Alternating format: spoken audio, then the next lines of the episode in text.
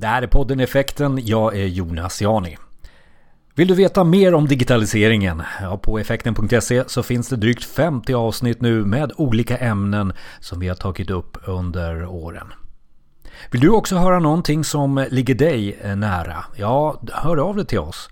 Tipsa oss eller du kanske vill vara med själv.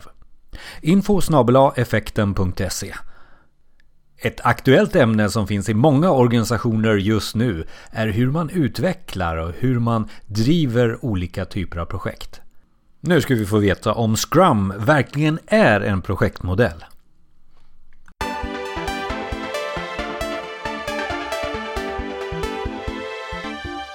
Välkommen då till Effekten, det här är podcasten som optimerar arbetet runt den pågående digitaliseringen. Och just under de digitaliseringsprojekt som oftast pågår just nu bland våra organisationer och företag så framgår det mer och mer att man vill jobba agilt eller i iterationer vad du nu vill kalla det för någonting. Det handlar om små, små eh, förändringsresor som man ger, gör varenda dag. Eh, och inom den här ramen så finns det olika metoder. Eh, och Scrum är en sådan metod. Eh, därför så såg jag framför mig att vi måste ta och vända och vrida lite på just Scrum som, som metod. Så att eh, jag hälsar välkommen Jonas Boldén. Tack så mycket. Och Jonas, eh, om vi börjar här, vad är, vad är då Scrum för dig? Ja, Scrum-guiden säger ju att det är ett ramverk för utveckling och upprätthållande av komplexa produkter. Men det säger ju inte så mycket egentligen. Samtidigt så för mig då blir Skrum någonting mycket större än det. Det blir allt ifrån vilket förhållningssätt man har till, till produkten eller medarbetare.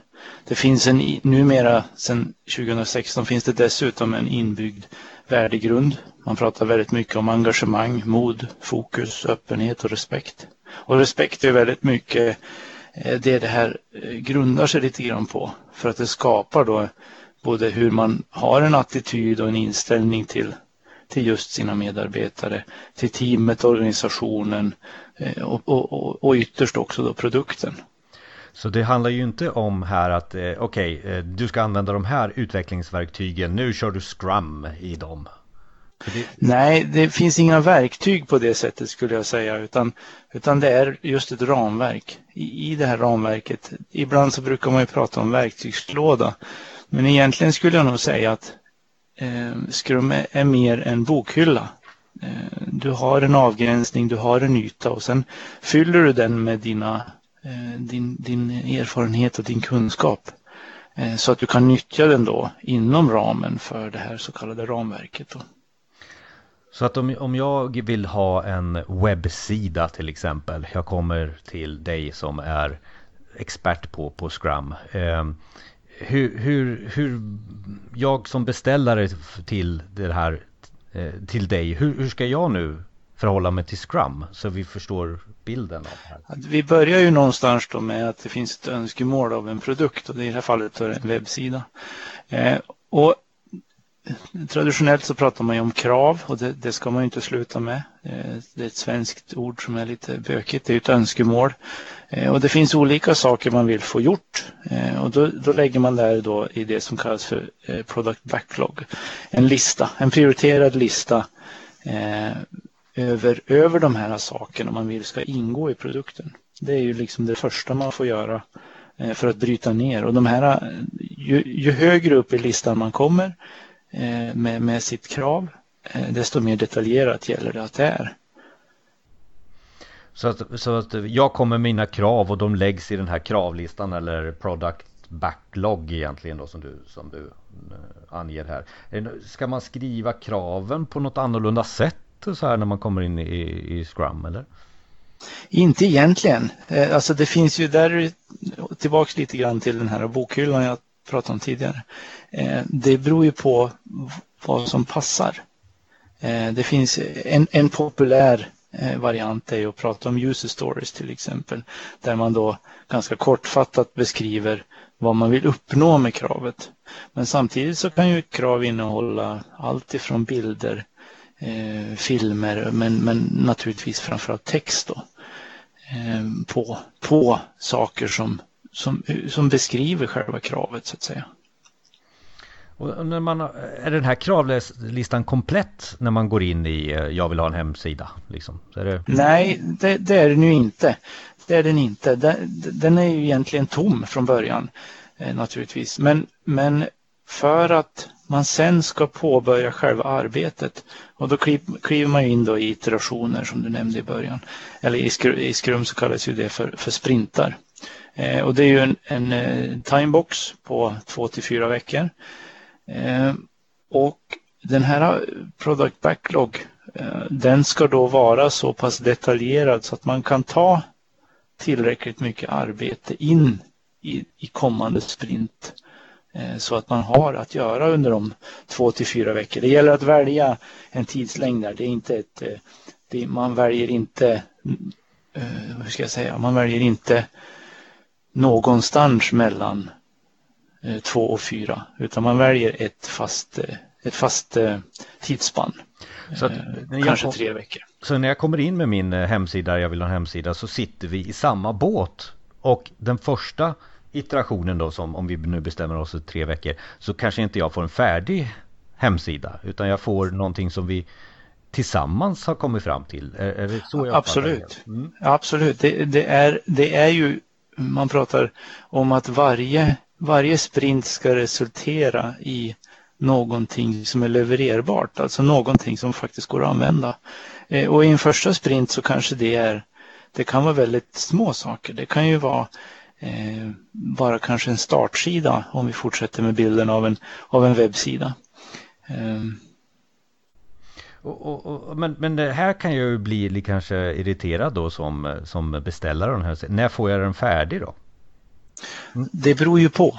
Tyvärr är det ju så. Då. Eh, det beror på för att hela tiden jobbar vi ju eh, relativt kort. Det ska ju finnas med hjälp av den här produktbacklog eh, och i samtalet mellan dig och mig så skapar vi också någon form av vision, en produktvision. Vart vill vi landa till sist Eh, med våran produkt? Vi har ett mål någonstans. Eh, men det är inte säkert att det är en rak väg för att ta sig dit. Utan då delar vi upp, då tar vi en sprint i taget och i slutet på varje sprint så har vi en, en så kallad sprint review där, där, du, där du och kanske eh, dina finansiärer eller, eller andra intressenter sitter med och får se Eh, vad som har gjorts den här, under den här sprinten. Eh, och då kan man ta nya beslut. Då kan man komma med nya idéer. Eh, och då blir vi just agila. Vi får en, en, en flyktighet på ett sätt men vi får också framförallt en rörlighet. Vilket gör att, att eh, vi kanske kan eh, möta, möta marknaden bättre. Ett exempel som jag brukar använda för att beskriva det här det är till exempel att om DICE hade Eh, kommit på ett, ett helt nytt spel eh, och lagt upp ett projekt på det och, och, de hade bestämt att om två år ska vi lansera ett helt nytt, eh, ett helt nytt ett spel här som ingen annan har gjort. Men så upptäcker man efter, efter ett år att någon konkurrent har släppt exakt det här spelet. Då, då kan man ju inte fortsätta att, eh, att köra projektet till sitt slut utan då måste man ju ta hänsyn till marknaden och, och rådande omständigheter. Och då blir jag mer rätt, eh, jag kan styra om där beroende på vad marknaden säger. Ja men helt så, helt så. Mm. Eh, och, och, när man jobbar med, eh, om jag nu är beställare återigen då eh, och har den här kravlistan, så kanske det är så att jag har en bild om vad jag vill ha här framöver, men den kan förändras. Så att om jag nu ska från A till B och B är någon form av vision om vart jag tror att jag ska få av er. Jag, jag om jag nu ska resa så tror jag att jag ska få en buss av er där vid, vid, vid punkt B. Men ni kommer börja leverera en skateboard till mig och jag kommer reagera på skateboarden och säga det här är ju inte det jag tänkte mig. Jag vill ha dörrar och sen så kommer vi successivt att göra det här transportmedlet om vi har den då. exempel. Ja, eh, ja, för du, och, och sen, resan har börjat. Ja, och sen i slutet så kanske inte alls blir en buss utan det blir en Lamborghini. Eh, för det var det jag egentligen ville ha. Ja. Mm. Men alltså, eh, är det, är det, några speciella roller eller någonting som kommer in i, i det här också? Eh, för att få igång den här agiliteten som du pratar om här? Ja, det finns ju tre de, hårt, eller hårt ska jag inte säga, men de tydligt definierade roller eh, i, i, i den här Scrum Guide. Jag kommer ofta tillbaks till den för att det är ett dokument. Det är bara 19 sidor. Eh, man, man, man, bör läsa den. Den kan ligga, man, man kan ha den hela tiden. Men just det här att det finns tre roller. Vi har en produktägare. På ett sätt då kan man ju säga att det är ju du då som beställare. Eh, det är ju den enklaste bilden. Eh, du äger den här produkten, du är ansvarig för den här produkten. Du beställer, du tar beslut för vad som ska ingå i själva produkten. Sen så har vi naturligtvis ett utvecklingsteam och, och den där finns nästa roll. Eh, och just nu är det bara definierat som rollen utvecklare. Eh, och det betyder att det kan vara en, en databaskille. Det kan vara en eh, designer, det kan vara en testare. Men alla de här tillsammans hamnar ändå under rollen utvecklare. Alltså någon form av person som som tillför värde till produkten under sprint, sprintarbetet. Ehm, så att, och det bottnar då i nästa del när det gäller själva teamet. Det ska vara eh, korsfunktionellt. Alltså teamet tillsammans löser ut problemet. Ehm, det spelar ingen roll eh, vem som är testare för det viktiga är att teamet har testat till exempel. Ehm, och sen har vi då den sista som på något sätt eh, är en dörrvakt, gatekeeper, som kallas för Scrum Master. Och det är huvud uppgiften där är, är någonstans att facilitera ingående möten. Eh, det är en stor del, men det andra är också just det här undanröjande av hinder. Eh, säg till exempel att eh, du som produktägare, ja men nu vill du ha en, nu vill du lägga till någonting i, i ett nytt krav under pågående sprint. Då, då kliver Scrum Master in och så säger nej det där, det där har vi faktiskt kommit överens om att det ska vi göra kanske vid, vid annat tillfälle. Eh, vi gör det inte nu för vi ska inte förändra pågående sprint. Eh, och att åt andra hållet så kan det vara en testare som saknar någon form av verktyg. Eh, då är det Scrum Master som eh, ser till att det kommer på plats. Inte na naturligt inte självklart att det är Scrum Master som utför själva jobbet, men se till så att det kan göras. Ehm, så det, det, handlar mycket om att på ett sätt skydda utvecklingsteamet från yttre, yttre problem och inre svårigheter så att säga. Så det här teamet det är ett, ett, ett sammansvetsat gäng egentligen. Eh, men till det här gänget så tillkommer det jag som då om jag är då produktägare och, och någon mm. form av beställare. Och sen den här Scrum Master eh, lekledaren eller vad nu ja. du, du vill, Gatekeeper eller någonting. Det är vi som ska göra det här tillsammans. Ja, och det då blir konstituerar man då som själva eh, skrumteamet. Eh, och det visar ju också på det du nämnde att man, man sitter i samma båt. Eh, produktägaren kan inte stå utanför och inte ta ansvar utan produktägaren är med. Hur, hur många är i det här teamet? Hur många är vi?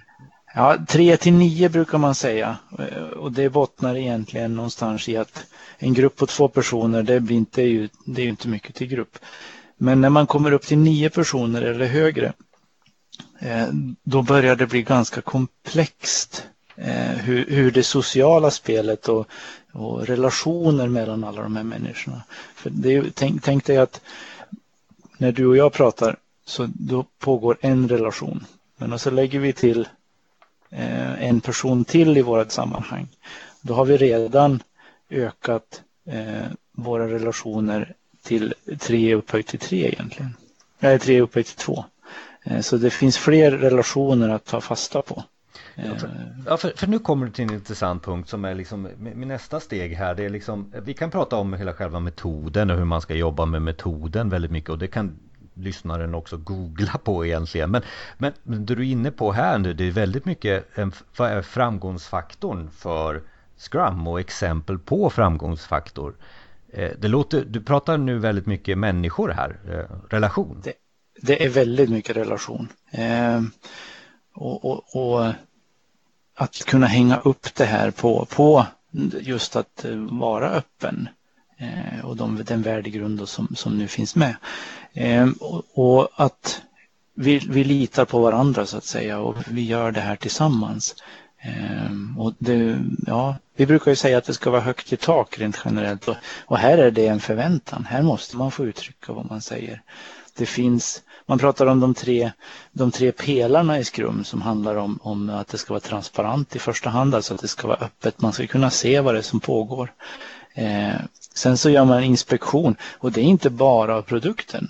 Alltså man, man inspekterar inte bara produkten utan även arbetssättet. Och arbetssättet och utförandet är ju gjort av, av människor. Och, och någonstans då så inspekterar man det, eh, tittar närmare på det och så går man, går man vidare till att göra någon på engelska då, adaption, alltså man gör en, en förändring eller man möter de här eh, ja, det som sticker ut då från vad man har sett.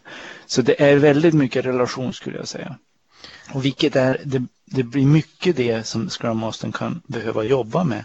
Nya team eh, som man in, kanske inte har jobbat med Scrum Eh, och de kanske inte känner varann. Det är en uppförsbacke för att mm, det, är inte, det är inte självklart att lita på varandra. Eh, och framför i våran bransch då där, där det kanske är ganska mycket eh, alfahannar inom IT. Det är viktigt att vara den, den som är starkast. Eh, men här ska vi helt enkelt få, få göra det här tillsammans och vi, och vi ska lita på varandra. Och, och Scrum, metoden i sig, hjälper oss lite att vi träffas varje dag och att vi har olika ja. dagliga avstämningar etc. etc. Men, men det måste bygga på en, en, en positiv och framåt kultur i, i kommunikation ja. hela tiden. Ja. Eh, annars så lyckas man inte. Det är det jag lyssnar lite att du säger. Mm. Det dagliga skrummötet där som ska vara 15 minuter. Det är ju väldigt intressant för att Eh, initialt som, som, återigen, som, som ny i, i ett skrumteam så kan man känna att det är ett avrapporteringsmöte som någonstans att man ska, man ska bli kontrollerad. Eh, men det är inte så mycket det det är frågan om utan det är snarare att jag berättar eh, berättar om vad jag har gjort egentligen och vad jag tänker göra. Eh, och varför kan jag inte göra det om det, om det var hinder i vägen. Eh, och, och då blir det en, till sist så blir det en dialog. I synnerhet efter de här mötena är det viktigt att det blir den här dialogen. Eh, så det, här samtalet och respekt, det fortsätter hela tiden. Ja, alltså du, du egentligen säger att det här med alfahanarna förstår inte i början, om vi nu tar dem som exempel, eh, mm. varför vi ska ha förhöra varandra varje morgon vad vi har gjort. Utan, men sen till slut så blir det en kultur som gör att vi hjälper varandra, kanske till slut. Ja, helt, helt klart, helt klart. Och man förstår också att vi gör det tillsammans. Ehm, det är ju inte någonting som är självklart. Vi, vi, har ju ett samhälle som också bygger på att, att det är individen som går före gruppen i, i många fall. Inte i alla fall, men i många fall. Ehm, så, så det är lite att göra lite våld på sig själv. Att kliva in i, i ett skrumteam ehm, med, med, med de ändå spelregler som, som tillförs. Det, det, finns ju väldigt mycket att läsa om det här men det finns enkla sätt att läsa. Du hade något eh, 19-sidigt dokument och den finns säkert på, på, på nätet också som vi kan referera till i ett blogginlägg. Eh, men, men vad skulle du säga här så här på slutet som checklista på, på vad ska, behöver jag tänka på om jag är ny för Scrum eller om jag redan är befintlig i Scrum-arbetet? Vad, vad är de här? Har du någon lista, topp tre eller topp två eller vad det nu kan vara för någonting som det här, gör det här och då, då, då lyckas du? Ja, det första är, jag vill, jag vill återigen slå ett eh, slag för den här skrumguiden. Eh, för det, det, är, det är grunddokumentet som, som skaparna står bak, bakom helt, helt och fullt. Eh, håll det till det, framförallt om du är ny. Håll det till det. Är det någonting som sticker ut där så finns det massor att läsa om. Men använd det där, använd det dokumentet som Ehm, som din guide, som din, din ledstjärna, ehm, som perspektiv på allt annat du läser. Ehm, det är inte, den är inte omfattande och det finns mycket utrymme för tolkning. Och våga utmana dig själv. Sätt dig tillsammans med någon annan och fundera.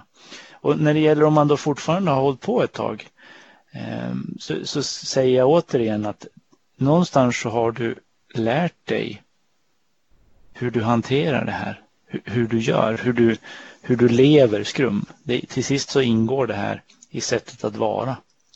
Um, Men jag tycker fortfarande att glöm inte bort skrumguiden. Glöm inte bort eh, att prata med andra.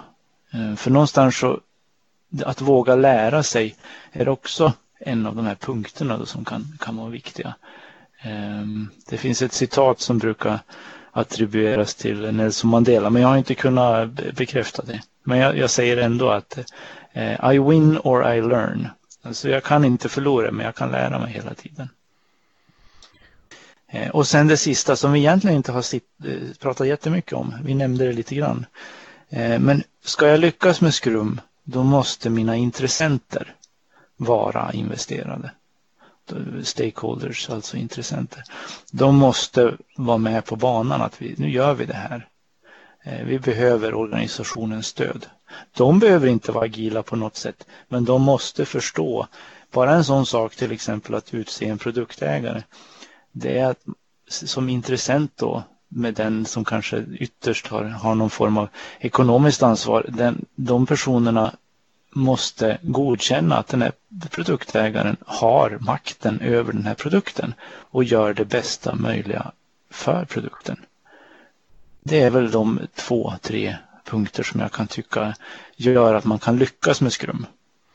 Så att det som jag gör som produktägare här det är inte att, nu hade vi det här exemplet med att jag beställde en hemsida av er. Det är inte så att jag lämnar er utan jag måste hela tiden engagera mig själv och de som är mina vänner på produkt eller kravsidan att de precis. förstår vad det är för någonting som kommer här sen. Ja, mm. precis så. Mm.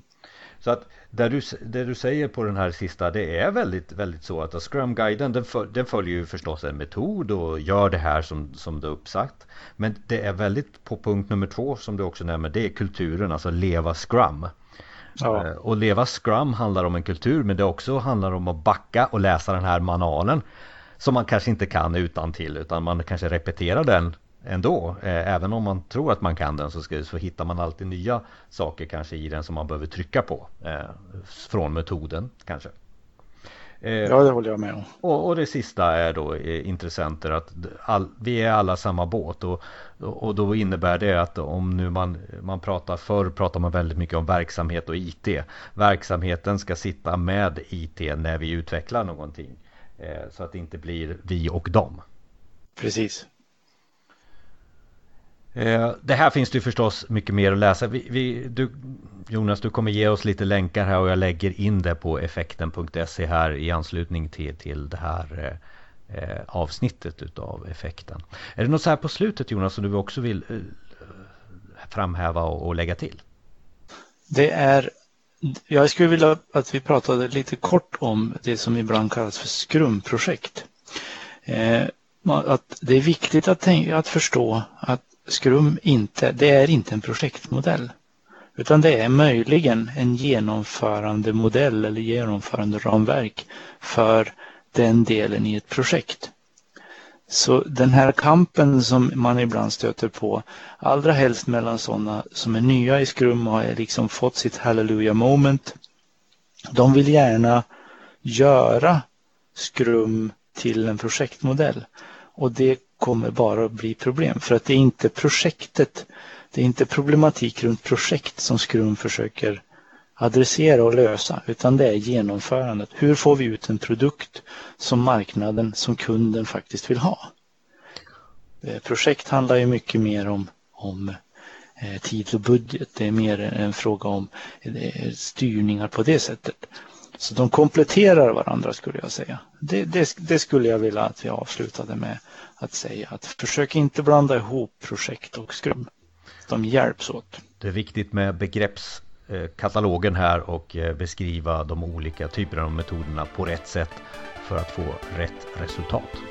Tack så mycket Jonas Boldén.